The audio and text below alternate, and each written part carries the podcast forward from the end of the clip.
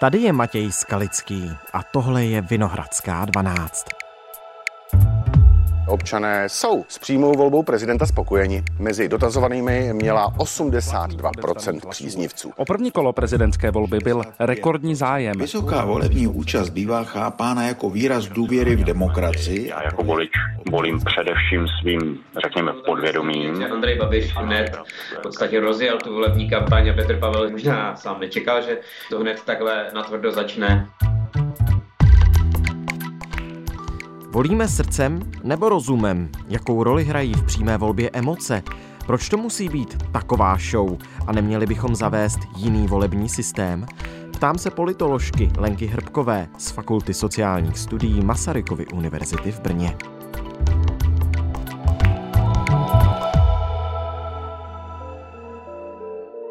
Dnes je čtvrtek 19. ledna. Dobrý den, vítejte ve Vinohradské 12, zdravíme vás do Brna. Dobrý den, děkuji za pozvání. Tak jsme v mezičase prvního, druhého kola, v mezičase prezidentské volby v tuto chvíli. Nepřijde vám, že se z té přímé volby stává tak trochu show? Do určité míry ano, ale řekla bych, že všechny volby jsou tak trochu show. Je to tím, že vlastně v průběhu těch volebních kampaní a v tom předvolebním období se opravdu intenzivně ta pozornost věnuje politice a těm volbám, těm kampaním, kandidátům, případně politickým stranám. A, a to jednak ze strany médií, samozřejmě, že i ti kandidáti se snaží komunikovat a ukazovat se v tom nejlepším světle, ale zároveň i voliči jsou hodně motivovaní k tomu věnovat vlastně těm politickým obsahům mnohem více pozornosti, než v období mimo volby. A celosvětově jako vidíme určité trendy, které vedou k něčemu, čemu říkáme jednak personalizace politiky, to znamená, že vlastně větší pozornost věnujeme celkově politickým osobnostem, vlastně bez ohledu na to, jaký typ voleb to je, nebo jaký je ten volební systém. Prostě nás víc zajímají ty politické osobnosti a s tím samozřejmě souvisí i to, že ty politické osobnosti mají určité nové kanály, kanály komunikace na sociálních médiích a tak dále, kde se zároveň jako privatizuje jo, ten jejich i politický život. Oni se nám snaží představit co nejvíc jako lidé. A to všechno nějakým způsobem přispívá k tomu, že se z toho stává taková show. Babiš sice začátek kampaně přímo mezi voliči zatím odložil, s několika lidmi se ale setkal ve frontě na korunovační klenoty. Pátek budu v Liberci na nějakém frekventovaném místě. Na další týden zvažuje Babiš i návštěvu Brna a Hradce Králové. Ústí nad Labem se Pavel setkal se svými příznivci na náměstí, promluvil k ním z pódia a rozdával letáky a reklamní placky. Diskuze s občany, s podporovateli. Jinak Pavel trávil den hlavně natáčením nového volebního spotu.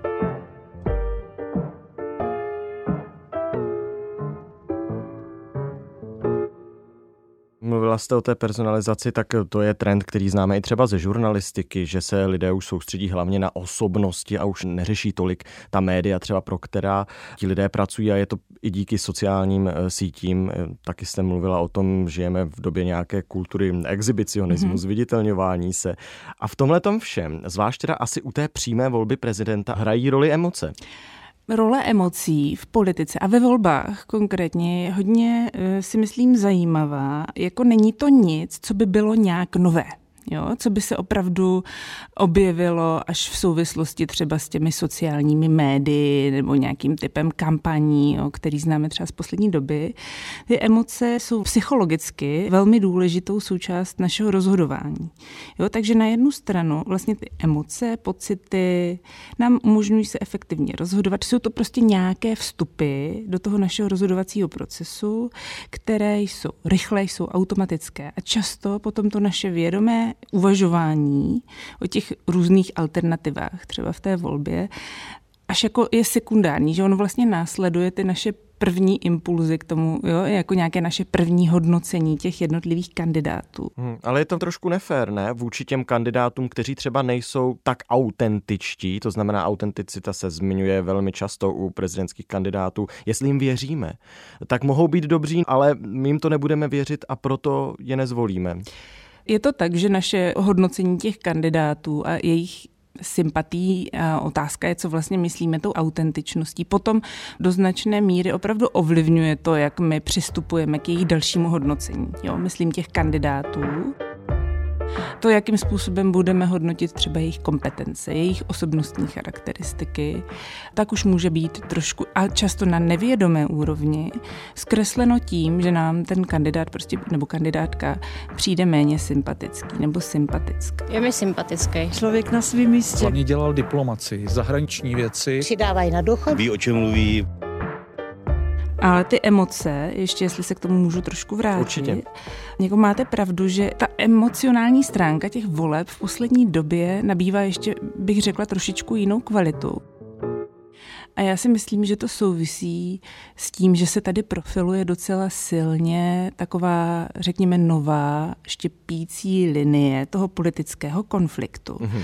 mezi populismem a antipopulismem. A ona je z podstaty hodně založená na emocích, jo? protože tady jde do ústraní trošičku jako nějaké, řekněme, názorové vymezování se na tématech, ale my jako hodně vnímáme některé strany prostě toho sporu jako nepřítele, jako ohrožení našeho vlastně způsobu třeba života nebo e, naší budoucnosti, politické kultury nebo přímo demokracie. A to prostě se, tím pádem ty emoce vlastně se stávají úplnou podstatou často toho politického konfliktu jako takového. A to je, bych řekla, něco, co jsme dřív nebyli úplně zvyklí výdat. Ale lidi to baví, mm, protože baví. volební účast v prvním kole prezidentských voleb letos ta byla nebývalé vysoká od voleb do sněmovny v roce 98, to byla nejvyšší účast vůbec. Oproti komunálním volbám, volbám do Senátu je prostě přímá volba prezidenta hit. Ano, dá se to tak říct. Zatím to vypadá teda, že tady ta přímá volba, tu, kterou jsme zažili před nedávnem a ještě nás čeká jedno kolo, se zatím trošičku vymyká. Jo, je pravda, že máme za sebou teprve vlastně dvě přímé volby a z toho se nedá úplně jako jasně usuzovat o nějakých kauzálních vztazích.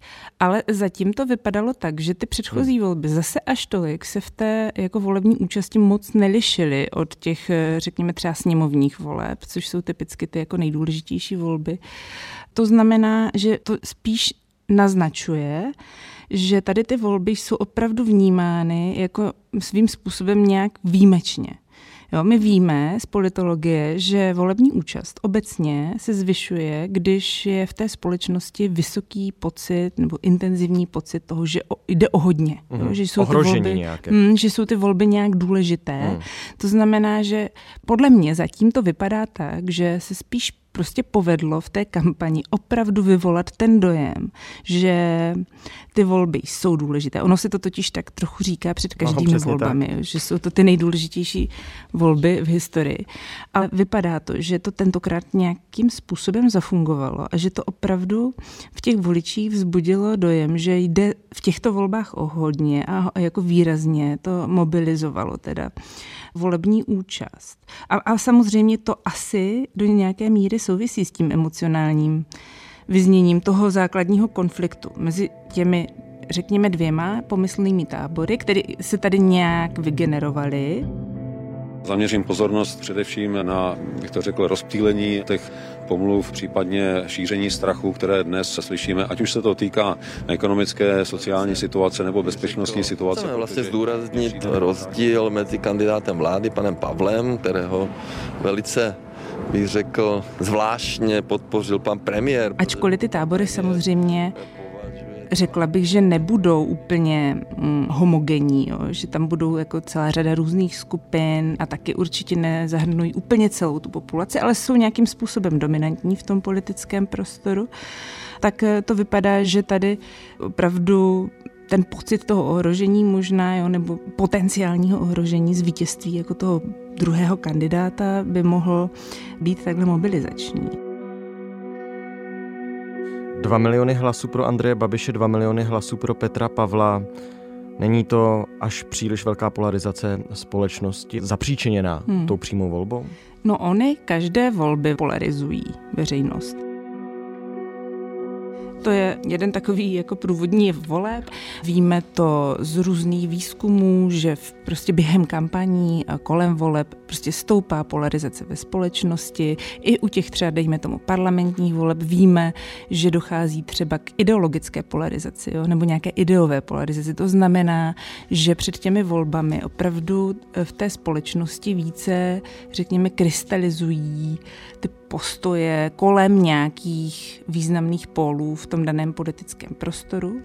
Ale Zároveň vidíme, je to nějaký celosvětový trend, že i ta povaha té polarizace související s politikou se mění. Jo? Že tady ta ideová polarizace, o které jsem mluvila, už není vlastně tak významná. Naopak se ta společnost více polarizuje na bázi toho, koho máte a koho nemáte rádi v té politice. A my jsme z do okolností teď nedávno získali data, eh, která jsme pro Institut Siri sbírali ve spolupráci s Centrem pro výzkum veřejného mínění. A ještě bych chtěla podotknout, že my jsme ta data sbírali jako už docela nějakou dobu před tím prvním kolem. Jo? Takže dá se předpokládat, že pokud v té společnosti nějaká polarizace probíhá, tak ona před tím prvním kolem byla určitě nižší, než bude teď před tím druhým, jo, kdy půjde opravdu o hodně. A my jsme tam v těch datech už někdy třeba z toho listopadu identifikovali to, že voliči opravdu rozlišují mezi ostatními voliči, kteří volí kandidáty, které mají rádi a ty, které nemají rádi. A ukazuje se nám například, že jako mnohem méně se chtějí bavit o politice s lidmi, kteří volí kandidáty, které nemají rádi, nebo že by jim vadilo mít takového voliče jako ve své rodině, jo?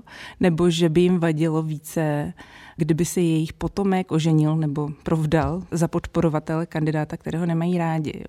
Jo, takže nám se ukazuje, že prostě i tady tenhle ten typ voleb dokáže prostě v té společnosti vytvořit prostě nějaký tento způsob jako dělení se do takových politicky vlastně motivovaných skupin. A kromě té polarizace vidíte, protože to předpokládám neberete jako plnou výhodu přímé volby, vidíte i nějaké další nevýhody? Mně napadá třeba, zda ta přímá volba nepoškozuje kandidáty se stejnými názory, že si prostě berou hlasy a tím pádem se rozmělní ta voličská podpora a oni nemůžou dosáhnout na takový výsledek, aby se dostali do druhého kola.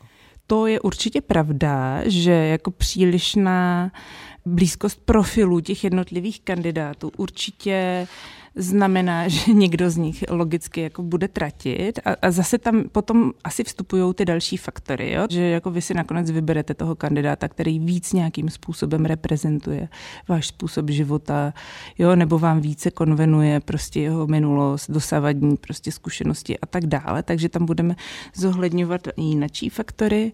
Zároveň ale, co se týče těch ideových profilací, tak eh, tady ten systém, ten dvoukolový většinový systém vlastně tak trochu inklinuje k tomu, že jako v tom prvním kole spíše uspějou ti kandidáti, kteří jsou tak nějak více přijatelní prostě pro více lidí, že jo? takže že jsou tak nějak více vlastně v tom mainstreamu, v tom středu. Ukázalo se to třeba i na posledních francouzských prezidentských volbách, kde typicky do toho druhého kola postupuje teda dříve reprezentantka krajně pravicové strany uh, Marine Le Pen a vlastně v těch posledních volbách se objevil na, na tady téhle straně toho politického spektra ještě jeden jako mnohem radikálnější aktér. Vous êtes 100 000 au Trocadéro. Kandidát krajní pravice Erik Zemur se sešel se svými podporovateli na pařížském Trocadéru přímo před Eiffelovou věží.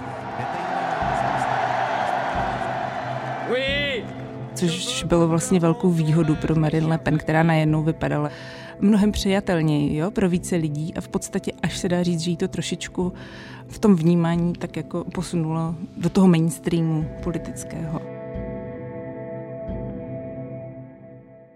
Jste mluvila o tom, že ta přímá volba je apolitická, takže řekněme, spousta lidí ví, že Petr Pavel má kočku a Andrej Babiš psy, než aby věděli, jaké názory mají třeba na důchodovou reformu?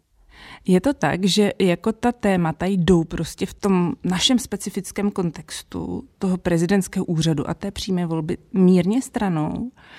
A ono to jako dává smysl, jo, protože Petr Pavel prostě by neměl potom žádný nástroj, jak by mohl efektivně tu důchodovou reformu prosazovat.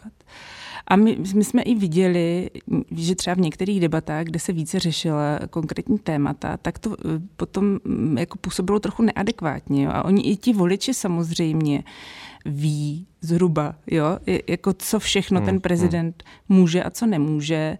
Takže si myslím, že od těch kandidátů se ani zas až tak nečeká, jako úplně právě nějak propracovaný ideový jako polisy program, ale na druhou stranu bych nechtěla, aby to vyznělo, že ta témata vlastně nejsou v té kampani, nebo že nejsou důležité. Ne, oni tam jsou, teď ve spoustě mm-hmm. debat eh, ty připomínají AZ quiz, nebo no. dotazy ano, ne. Je to, je to tak. Mělo by Česko vyměnit korunu za euro? Ano. Podepsal byste zákon umožňující adopci dětí stejnopohlavními páry? Ano. Tomáš Garik Masaryk. No tak ten tam byl, eh, ten tam byl 17 let. Tomáš Garik Masaryk. Ale prezidentem. Byl hmm. někdy premiérem? To teďka nevím. Ale zároveň si myslím, že pokud už se potom bavíme o těch, eh, já nevím, postojích, že někteří kandidáti se snažili, jo, nebo kandidátky, třeba jako Danuše Nerudová, se teda snažila nějaká témata v té své kampani akcentovat, ale eh, jako myslím si, že ta témata v kontextu těch prezidentských voleb teda působí trošičku jinak, než jako v jiných volbách, na které jsme zvyklí, kde dochází prostě k nějakému ideovému střetu. Jo, když to tady nám vlastně ty postoje těch kandidátů spíš dávali nějaký signál o tom, co je to za člověka, ten kandidát. Zase, aby nám to pomohlo si na něj utvořit prostě nějaký názor, nějaké hodnocení. Ono to taky ale určitě souvisí s tím, že prezident v našem systému nemá tolik pravomocí. To znamená, že možná je důležitější vidět, co to je za člověka, než mm. jaká témata by chtěl prosazovat, protože on, slovy Danuše Nerudové, je může otevírat, mm-hmm. ale vlastně velký vliv na to, zda budou prosazeny, prostě nemá. Je to tak, jako dává to smysl a na druhou stranu ono i ta kampaň, Myslím, tady ta viditelná část té kampaně je dlouhá taky. Jo?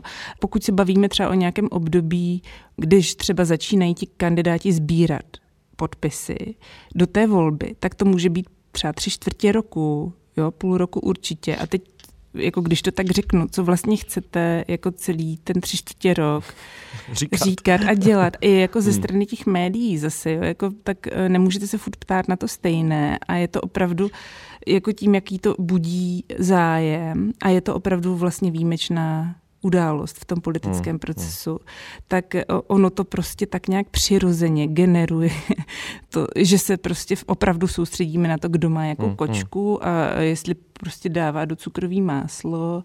A, a jak plete Vánočku třeba. A, no, a, a různé jako mikrokauzy a tak dále. A ono to potom jako už může být trošičku unavující. To. Hmm.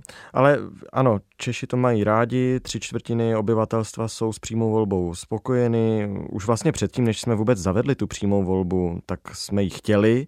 Ta negativa, eh, která jsme tady probrali, neřešil by je jiný volební systém, jednokolový, eh, nebo já nevím, preferenční volební systém? Jednak tady eh, bych chtěla říct, že ten systém, který máme, jo, ten dvoukolový většinový systém, je vůbec jako nejčastější způsob toho, jak se volí prezidenti a hlavy států. A v podstatě celkově to je jeden z nejrozšířenějších volebních systémů na světě. A určitě, jako, kdybychom to třeba chtěli porovnat s tím mm, systémem jednokolovým, tak ten dvoukolový má určitě svoje výhody, že on opravdu, jako pokud se bavíme o nějaké legitimitě té volby, což byl vlastně konec konců argument, proč k té ústavní změně došlo, tak ta jednokolová volba by toto zrovna moc neřešila, protože si vemte, že v tom jednom kole, pokud by stačila prostá většina voličů, tak můžete mít najednou prezidenta, kterého si přeje mít prostě na teda tom našem Českém hradě třeba jako 27% voličů. Jo? A to prostě není mnoho a e, jako k té legitimitě vnímané by to nemuselo úplně přispět. Potom jsou samozřejmě různé jiné alternativy, které nejsou moc časté, nějaké to preferenční hlasování nebo nějaké evaluativní hlasování. Příklad je třeba Irsko, kde teda s tímhle typem systému mají zkušenost, protože ho používají i v volbách do parlamentu, ale i v volbách prezidentských, kde vlastně to probíhá tak, že ti voliči si nevybírají jenom jednoho kandidáta. Vy můžete vlastně udělit hlas více kandidátům a seřadíte je podle preference. Jo? To znamená, že si jako první preferenci stanovíte kandidáta A, jako druhou preferenci kandidáta B a třeba třetí preferenci kandidáta C. A v momentě, jako v tom procesu toho počítání hlasů, když prostě přijde na to, že váš kandidát A, kterého byste chtěli mít za prezidenta, vypadne z té volby, tak ten váš hlas vlastně nepropadá, ale vezme se ta vaše druhá preference a prostě se připíše tomu kandidátovi B takhle vlastně to probíhá. Hmm. To znamená, že je tam mnohem menší tlak vlastně na ty voliče, rozhodovat se nějak strategicky a taktizovat v obavách z toho, že jim jako propadne hlas. Takže to může být, eh, může to být taková, řekněme, trošku pohodovější volba, že tam nemusí být ani ten tlak na to, jako že by voliči neměli eh, hlasovat pro své oblíbené kandidáty, ale radši jako už taktizovat. Určitě tenhle ten typ hlasování vlastně vede k tomu, že se zvolí kandidát, který je nějak přijatelný pro opravdu velkou část toho elektorátu, spíše než kandidát, který by spíš zbuzoval jako opravdu silné pocity vlastně. A takové známkování to zase vlastně ve výsledku mm-hmm. kruhem se můžeme vrátit k tomu, že to může být zase trochu show, ale spravedlivější. Je, je, ano, ale já si myslím, že ten prvek té show prostě k těm volbám mě patří. Jako je to taková přehlídka. I stran, třeba v parlamentních volbách, i těch osobností, prostě, které mají nějakou ambici, chtějí jako nějaký úřad. Uh, takže ta show od toho nejde úplně oddělit a zároveň ono to zvyšuje jako zájem jo, o politiku. Ono je opravdu... A to je vlastně benefit. No, ono to je logické, protože vám v tady té volbě odpadají právě ty hrozně komplikované debaty o reformě důchodového systému a zdravotnictví a taková ta umorná témata, která jako ne všichni voliči jsou schopní sledovat a je mnohem zábavnější, jako samozřejmě sledovat to právě, kdo jakou peče Vánočku a tak dále, takže ono to může v tomto ohledu ten argument třeba, když jsme se bavili o slabých stránkách toho systému, ten argument pro přímé volby je to, že vlastně ty volby celkově předpokládáme, že posilují jako pozitivní vztah občanů k demokracii. Moc díky, že jsme to společně mohli probrat. Děkuju.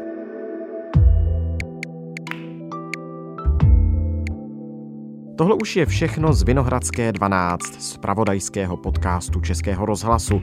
Dnes s politoložkou Lenkou Hrbkovou z katedry politologie Fakulty sociálních studií Masarykovy univerzity v Brně, která je současně členkou Národního institutu pro výzkum socioekonomických dopadů nemocí a systémových rizik. Řešili jsme co jiného v těchto dnech, než přímou volbu prezidenta republiky, jak do ní vstupují emoce, jestli to není až příliš velká show a zda by nešel náš volební systém trochu upravit. Další díl už chystáme, nezapomeňte na něj, vydáme ho po půlnoci ve všech podcastových aplikacích. Naslyšenou zítra.